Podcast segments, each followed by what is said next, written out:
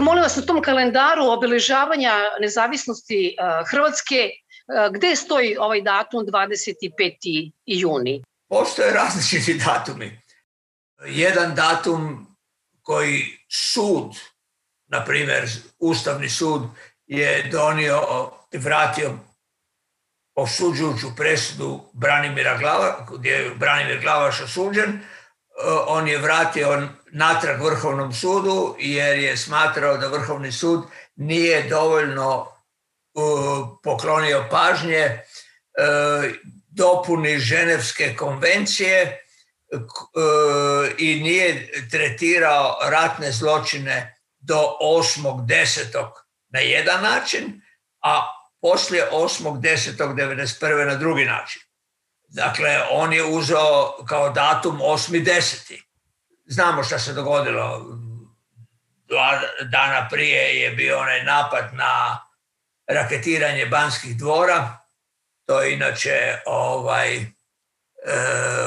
u cijeloj regiji je uvijek bilo malo tu e, različitih priča kako se to dogodilo, da li je to istina, da li je to bilo namješteno u ovoj, u ovoj situaciji ja mogu svjedočiti iz prve ruke jer sam bio u Banskim dvorama, dvorima e, na nekim pregovorima kad su e, raketirani.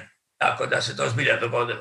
I onda je sljedeći dan bilo proglašenje e, ovaj, potpunog odvajanja Hrvatske od e, Jugoslavije, a priznanje je bilo tekar početkom 92. od različitih zemalja, ali mislim da sam datum je manje važan od merituma događaja, od ono onoga što se zbilja dogodilo i kako nas je to sve skupa odvelo u jedan e, rat koji je bio strašni od e, predviđanja najgorih pesimista. Kako je i zašto se to dogodilo da je Sovjetski savez se raspao, a da nije bilo rata kao što je bilo u Jugoslaviji? Čekoslovačka se raspala, nije bilo rata. Kako neko reče od naših sagovornika, Česi i Slovaci su se rastali praktično uz šampanjac.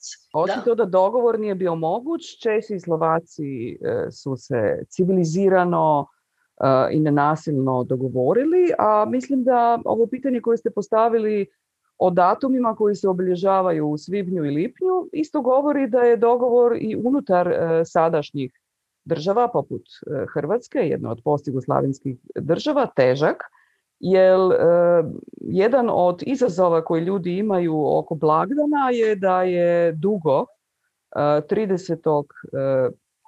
svibnja, 30. maja, kad je Eh, zasjedao prvi višestranački eh, sabor 90. bio praznik na koji nismo morali raditi da bi, eh, da bi onda to bio 25. lipanj, 25. jun, dan neovisnosti, dakle podsjetnik na 91. kad je Sabor proglasio neovisnost E, da bi sada opet imali situaciju da je taj ključni blagdan, dan državnosti, 30. svibanj, što na neki način u demokratičnoj tradiciji i priliči, jer e, je ipak to dakle, bio višestranački sabor, izraz nekog višeg stupnja demokracije, a 25. E, šesti je sad samo spomen dan, dakle blagdan, radimo na taj dan. Kao što se e, još uvijek e, ne možemo odlučiti kad je zapravo počeo rat.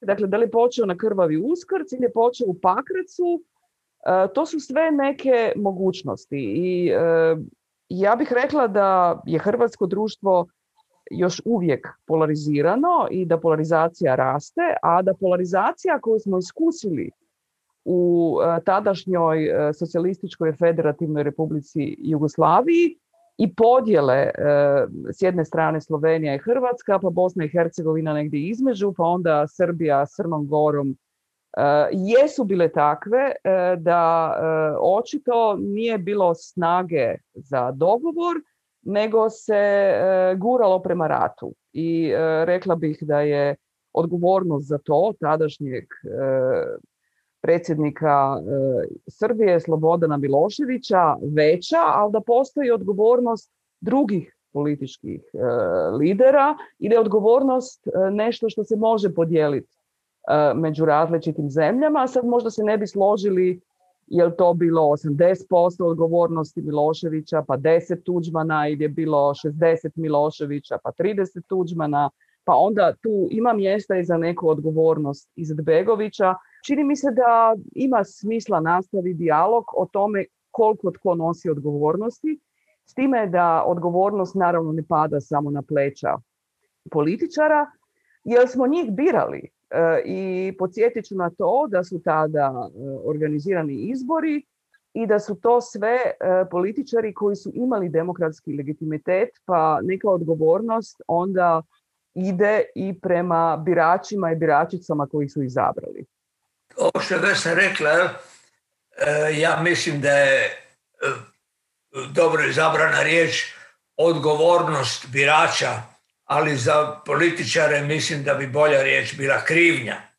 jel birači su bili zbilja odgovorni za izbor politika koja, koje se onda vidjelo da vode kuda su odveli. Da će to biti tako strašno, možda nismo čak i mi koji smo bili pesimisti i u smislu pesimisti, da smo pokušali to spriječiti. Ja ne mislim da je rat bio neizbježan. Ja mislim da se on mogao izbjeći, da smo mi imali izuzetnu, izuzetan peh e, u tome. Jugoslavija je bila e, po mnogim e, procesima demokratizacije puno ispred zemalja koje ste vi spomenuli Sovjetskog saveza, Čehoslovačke. Česi su imali tu sreću sa Havelom. Moglo je to i drugačije završiti. Mi smo, ja mislim, imali izuzetan peh. E, postojale su snage koje su pokušale da do rata ne dođe. Ja bi prije svega istaknuo e, Antu Markovića, reforme, krajem 89. ja se sjećam kad sam došao u e, mjenjačnicu i promijenio sedam dinara za jednu marku. Dakle, prvi puta ste imali jedan put konvertibilnu valutu, nešto, imali ste osjećaj da zbilja ulazite, nije bilo Europske unije, ali Europska zajednica, 7.7.1991. bio je ovdje predstavnik Europske zajednice Demirel koji je ponudio 5 milijardi nepovratnog kredita i članstvo u Europskoj zajednici unutar godine dana. Da li hoćete kao konfederacija, da li hoćete kao federacija, da li hoćete kao nezavisne, ali samo da rata ne bude, što bi rekao Balašević. To su prihvaćali i Kiro Gligorov i Izetbegović. A Tučman i Milošević su to direktno odbili i rekli da njihovi birači, mislim da su to Tužmanove riječi, nisu im dali mandat da e, pregovaraju o bilo kakvoj Jugoslaviji. Tako.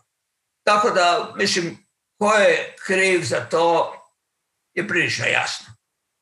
To su političari koji su ili bili nacionalisti ili su poticali netrpeljivost nacionalističku za svoje vlastite interese eh, dolaska, odnosno ostanka na vlasti i rat im nije bila neprihvatljiva opcija.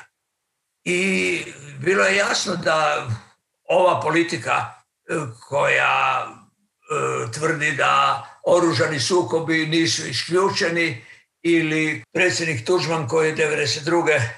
rekao da rata ne bi bilo jer da Hrvatska nije htjela svoju samostalnost i da, mislim, tu samostalnost je jasno da bi obzirom na stvari kako su se razvijale bila neupitna, osim ako se dogovore oko nekakvog oblika konfederacije, što poslije 30 godina bi sad svi željeli da budu članice Europske unije i da budu dakle, u nekoj vrsti konfederacije.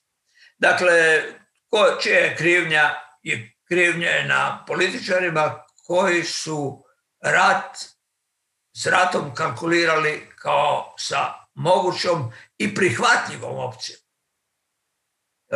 I kad imate dva nacionalizma koji po e, principu pozitivne povratne veze gdje jedan drugoga pojačavaju, imate ih suprotstavljeni, onda vam je to ovaj, kao da se igrate šibicama u barutani.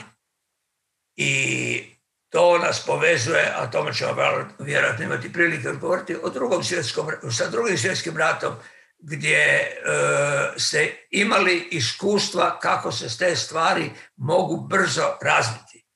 Kako se, e, a sad ste imali medije neusporedivo e, dostupnije E, običnim ljudima nego u ono vrijeme. A i ja sam bio svjedok, jer sam se tada počeo tim stvarima baviti, da su ljudi koji su živjeli 30 godina, 40 godina u istim selima, e, odlazili na iste priredbe, svadbe, družili se, e, kroz medije na jedan put otkrili da je njihov susjed Srbin, Hrvat, musliman i na jedan put su se osjećali jedni od drugih ugroženi. Kako vi eh, doživljavate odgovornost eh, intelektualne elite u Hrvatskoj ili recimo u Sloveniji, ne samo za izbijanje rata, nego način koji je vođen i ne samo to, nego i način na koji se sada ljudi odnose prema ratnim zločinima? Svakako su, su odgovorni i eh, njihova odgovornost je i veća nego običnih građana i građanki, jer su kroz artikuliranje argumenata mogli krenuti e, prema e, ratnoj opciji ili naprosto graditi podlogu za dogovor. I e, ja tu moram spomenuti da u 20. stoljeću imamo tri sloja nasilnog nasljeđa.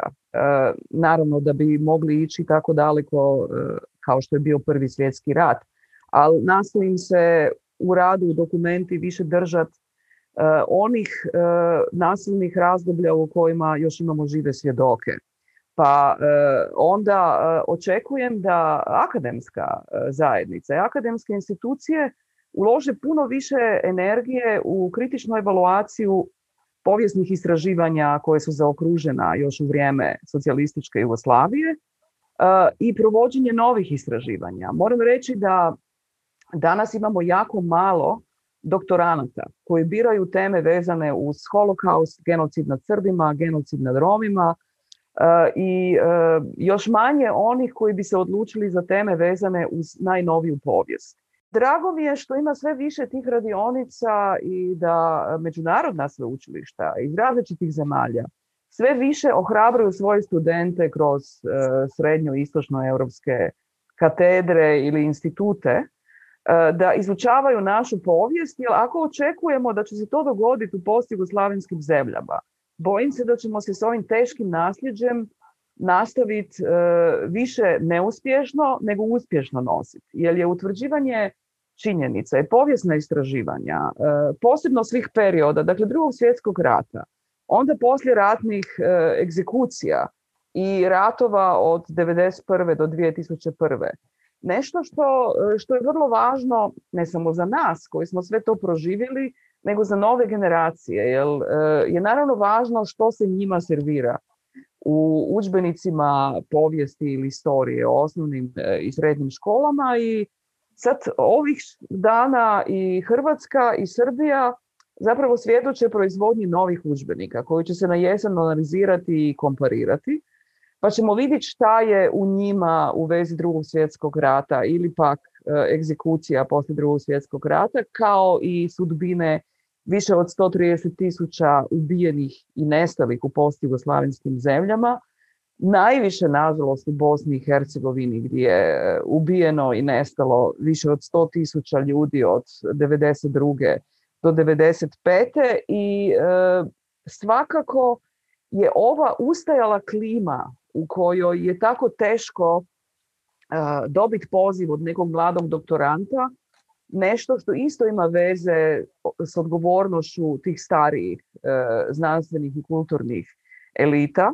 Naravno da tu neću reći da su svi odgovorni jer nisu, jer su mnogi zauzeli antiratna stajališta i ono što me stvarno veseli je da ovih dana svjedočimo valu interesa mladih za antiratne mirovne inicijative od 1991. nadalje među mladim povjesničarima i u e, Zagrebu i u Beogradu ili je tako puno priča o antiratnim inicijativama iz Pakraca, iz Požege, e, iz Niša, iz Pančeva, ostalo neispričano. A srećom onda imamo i umjetnike i umjetnice, i imamo e, i filmove, imamo i stripove, zografa, imamo zapravo različite E, forme izričaja o kojima se govori i o našim neuspjesima, ratovima i krvoprolićima, ali se govori i o ljudima koji su pružali otpor i koji su se povezivali u antiratnim inicijativama i palili svijeće pred e, Skupštinom Srbije ili pak stajali kao žene u crnom prosvjedujući u tišini protiv rata ili pak e, ljudima iz antiratne kampanje Eh, ili Mirovnega Instituta u Ljubljani eh, i inicijativa protiv rata u Crnoj Gori eh, i nenasilnim inicijativama u Makedoniji, na Kosovu i dugim naporima dokumentiranja Fonda za humanitarno pravo u Srbiji pa kasnije i na Kosovu jer je sve to bitno za izgradnju povjerenja izgradnju nenasilja. Skupa smo pokrenuli inicijativu za rekom, za regionalnu komisiju koja bi proizvela eh, jedan izvještaj i stvorila prostor za glas eh, žrtava i preživjelih sa različitih strana ratova od 1991. do 2001. Ali nažalost nije bilo razumijevanja među političarima. Jeste bilo u jednom času kad su u Srbiju vodili Boris Tadić, a Hrvatsku eh, predsjednik Ivo Josipović, ali onda se ta volja rasplinula i e, organizacije koje su povezane u e, mrežu pomirenja e, rekom danas fokusiraju svoju energiju na dokumentiranje sudbine ubijenih i nestalih i postupno objavljujemo podatke o sudbini ubijenih i nestalih kako u dokumenti, tako u Fondu za humanitarno pravo i našim suradničkim organizacijama u Bosni i Hercegovini zločini ili način na koji se ratovalo 90. godina, znači u najnovom je ratu, stalno se nekako povezuje sa drugim svjetskim ratom. Namjerno se ljudima često u glavi meša da otprilike 90. su samo nastavak ili drugi korak ratova drugog svjetskog rata koji je nezavršen. Znaš ja ne mislim da je to nastavak drugog svjetskog rata, ali da postoji jedan konačan broj, ne jako velik, načina konačan broj špranci po kojem se to odvija. Ako imate sukobljene nacionalizme koji šire netrpeljivost, jedni prema Srbima, drugi prema Hrvatima i muslimanima, jer to se naprosto dogodi. To se dogodilo u drugom svjetskom ratu i to se dogodilo ponovo sada. E, ako na četničku ideologiju se uglavnom pozivali gotovo svi e, počinioci ratnih zločina sa srpske strane. Na ustašku ideologiju su se pozivali gotovo svi počinioci zločina sa hrvatske strane. Sad možete vidjeti, nedavno se pojavila slika Glavaša, jel, koji nema nikakve veze sa drugim svjetskim ratom, ali se slikao ispod slike Pavelića. I nije tako čudno zašto je to ako vi ste eh, poseli, palite kuće po selima, ubijate civilno stanovništvo, vi ste razbojnik i ubojica. Međutim, ako to imate eh, iza sebe nekakvu ideologiju koja to opravdava, onda ste vi veliki patriot. I možete sebe kao takvoga i predstavljati, a često i doživiti. Treba čovjeku, nije lako zločine ni onome koji zločin počini nije mu lako. Prema tome mora imati nekakva opravdanja. I svi su se pozivali na to. Svi su se pozivali, svi zločinci, Norac u Hrvatskoj, svi ovi koji su to počinili, uvijek ćete naći da se tu miješa nekako ustaško i znakovlje i izjave. E, oni nisu imali veze sa tim, nego su imali su se pozivali na jednu ideologiju koja je te zločine mogla opravdati. Niko se nije pozivao od zločinaca na NOB, jel?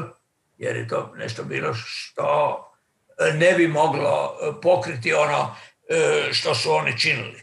Košto je Vesna rekla, ja isto smatram dobar dio intelektualne elite. Dio je odgovoran koji je šutio, a dio je kriv koji je direktno zagovarao. Ne možete ljude koji su išli i, i gledali bombardiranje Sarajeva e, sma, nazvati tek odgovornim.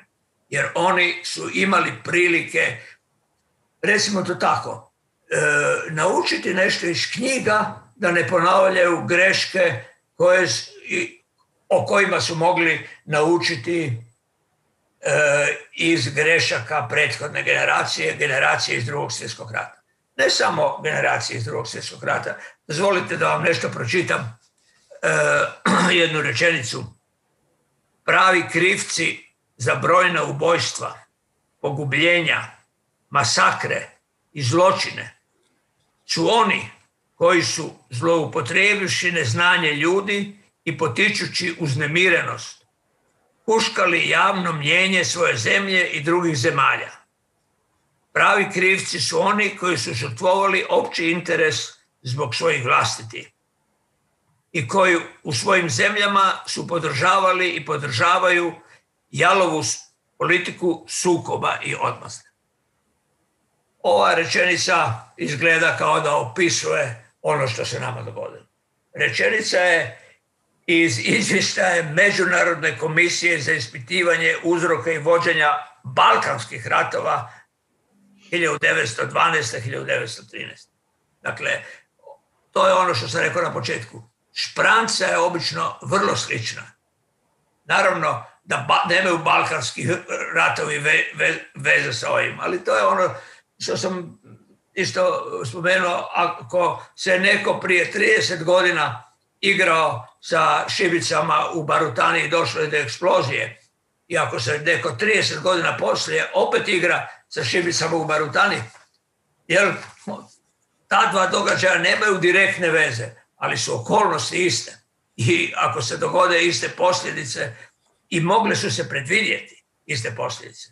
I to je ono, vi ste malo spomenuli drugi svjetski rat i ova naša nastojanja oko modernog antifašizma, jel?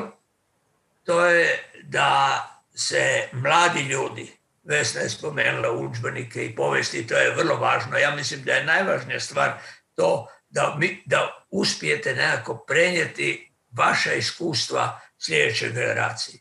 Tako da je to da se ta iskustva brišu ili falsificiraju, nešto što je e, gotovo kao zločin prema sljedećim generacijama jer ih prisiljavate i dovodite u u situaciju da im se može dogoditi da stvari koje su mogle naučiti iz knjiga moraju iskusiti e, direktno na vlastitim pogrešama. Cijela stvar u, gotovo u, povijesti čovječanstva je da naučite nešto što se dogodilo prije i da prepoznate e, kuda neke stvari vode. Kako izgleda fašizam u nastajanju. Neka dođu u koncentracioni logori. To je već gotovo ali put koji vodi prema njima možete prepoznati puno ranije. Ne možete svim ljudima to prenijeti. Mi znamo da postoje ljudi koji naprosto e, ne smatraju da svi ljudi trebaju biti jednaki pred zakonom. Koji svoju e, netrpeljivost e,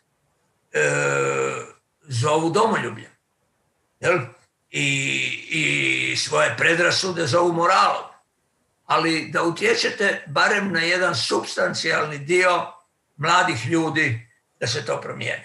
Negde 2000. godine, tako da kažem, sa predsjednikom Mesićem počelo nešto što se kolekvijalno zove detuđmanizacija Hrvatske.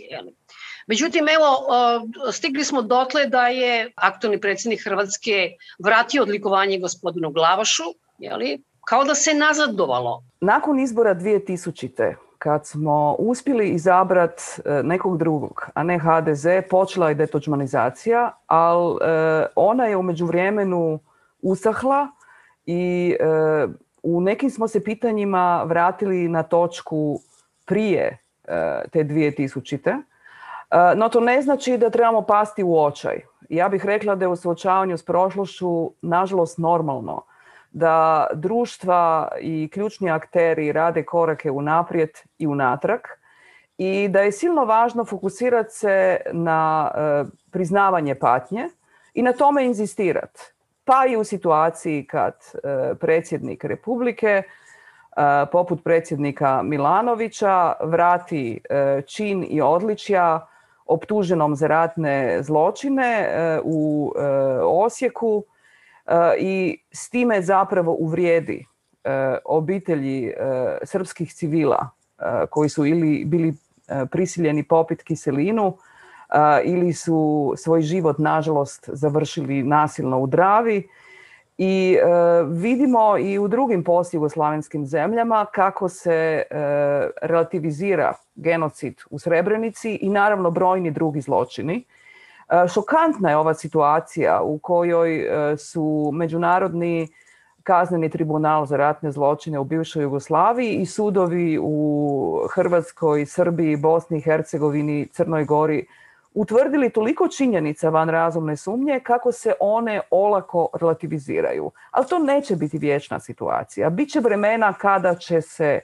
te činjenice civilizacijski zrelo priznavat i bit će onih drugih vremena kad će se dovoditi u pitanje. E, moramo biti svjesni e, da povijest nije beskonačni progres i da sad živimo jedan trenutak kad politički voditelji e, i pozivaju na sastanke osuđene za ratne zločine koji su izdržali kazne ili najavljuju sastanke s nekim drugim osuđenim ratnim zločincima koji još izdržavaju kazne i kao građani nastaviti jasno i glasno govoriti da to nije prihvatljivo i da vidimo e, priznavanje patnje i sudski utvrđenih činjenica kao i e, povijesnih narativa utemeljenih na činjenicama e, kao jedinu podlogu za društveni i gospodarski i umjetnički razvoj.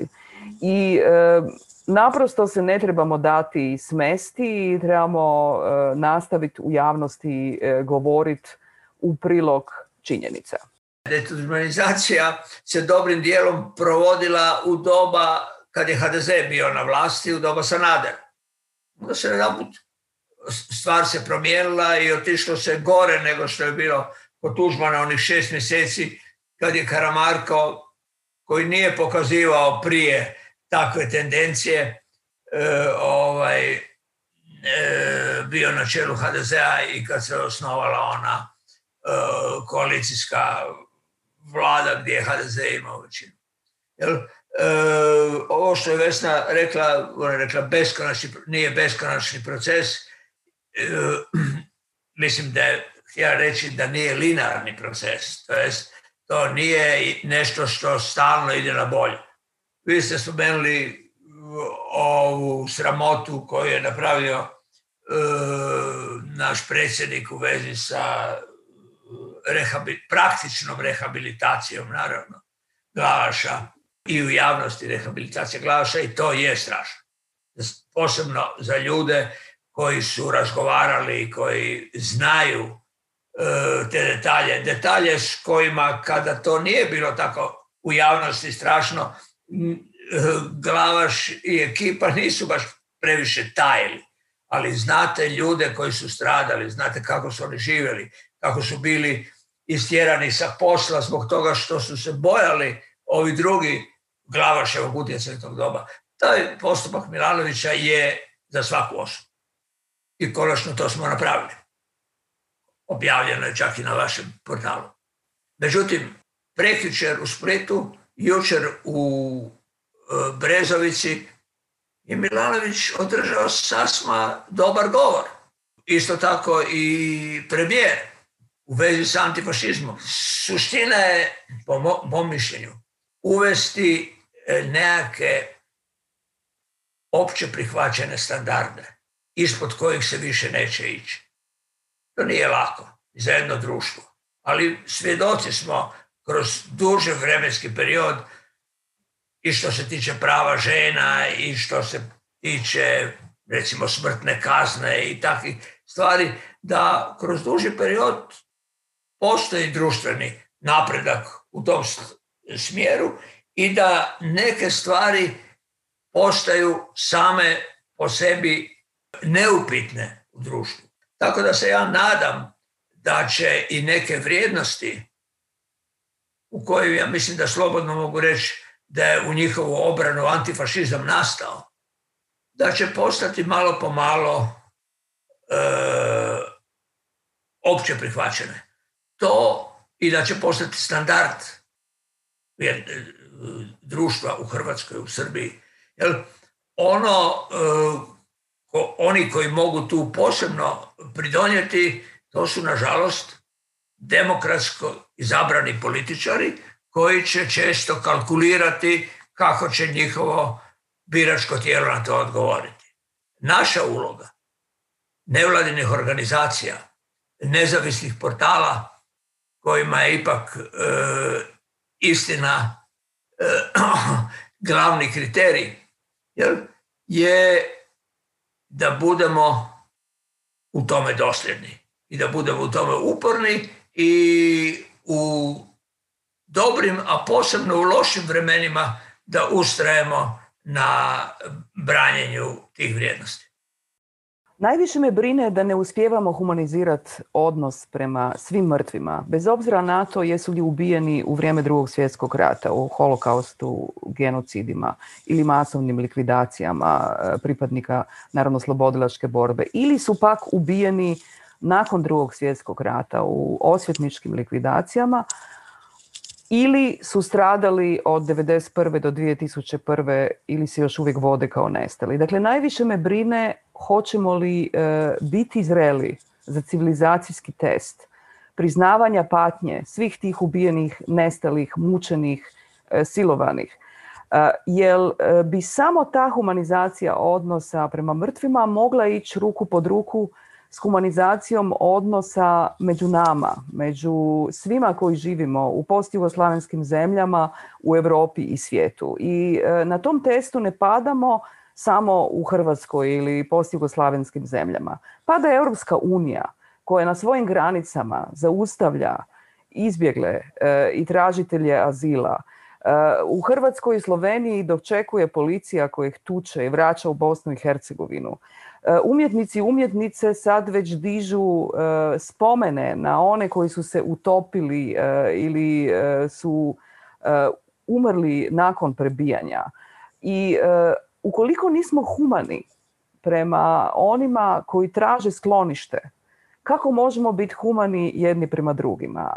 Ali s druge strane vjerujem u međugeneracijski dijalog i u razvijanje nekih novih didaktičkih pomagala kojima ćemo novim generacijama pričati što se zapravo događalo u naslom 20. stoljeću e, i e, davati im podršku e, da jedni prema drugima prije svega budu ljudi. Ako kritiziramo političare, naravno nisu svi političari isti, jer ima dobronamrnih ljudi koji nešto pokušavaju u ovom smjeru u kojem je danas ovdje među nama riječ, a opet s druge strane smo e, svjedoci da mnogi političari i u Hrvatskoj i u Srbiji dugotrajno, ja bih rekao, parazitiraju na e, održavanju napetosti. Jer, I to im je glavni, njihov glavni politički program, buditi e, strah prema drugima i drugačijima, jedan puta eh, po eti, eh, etičkoj osnovi, drugi puta po izbjeglicama, gdje vam u zemlji to, bi to zemlje mogle riješiti bez eh, nekih posljedica koje sigurno bi svaka zemlja htjela izbjeći. Jel? Crkva bi se tu mogla angažirati, konačno koliko se ja sjećam, Papa je čak rekao da bi župe trebale svaka, a ima ih stotine, e, ovaj, uzeti po jednu porodicu. Samo da se to dogodilo. Hrvatska je mogla uzeti 5000 izbjeglica da niko ne to ne osjeti. Kao što postoji među političarima, tako i postoji među, na primjer, među svećenicima. Svećenika poput e, ovoga Pape Franje imate svećenike koji e, ovaj, E, glorificiraju NDH u Hrvatskoj. O Srbiji vama ne moram govoriti, vjerojatno i sami znate.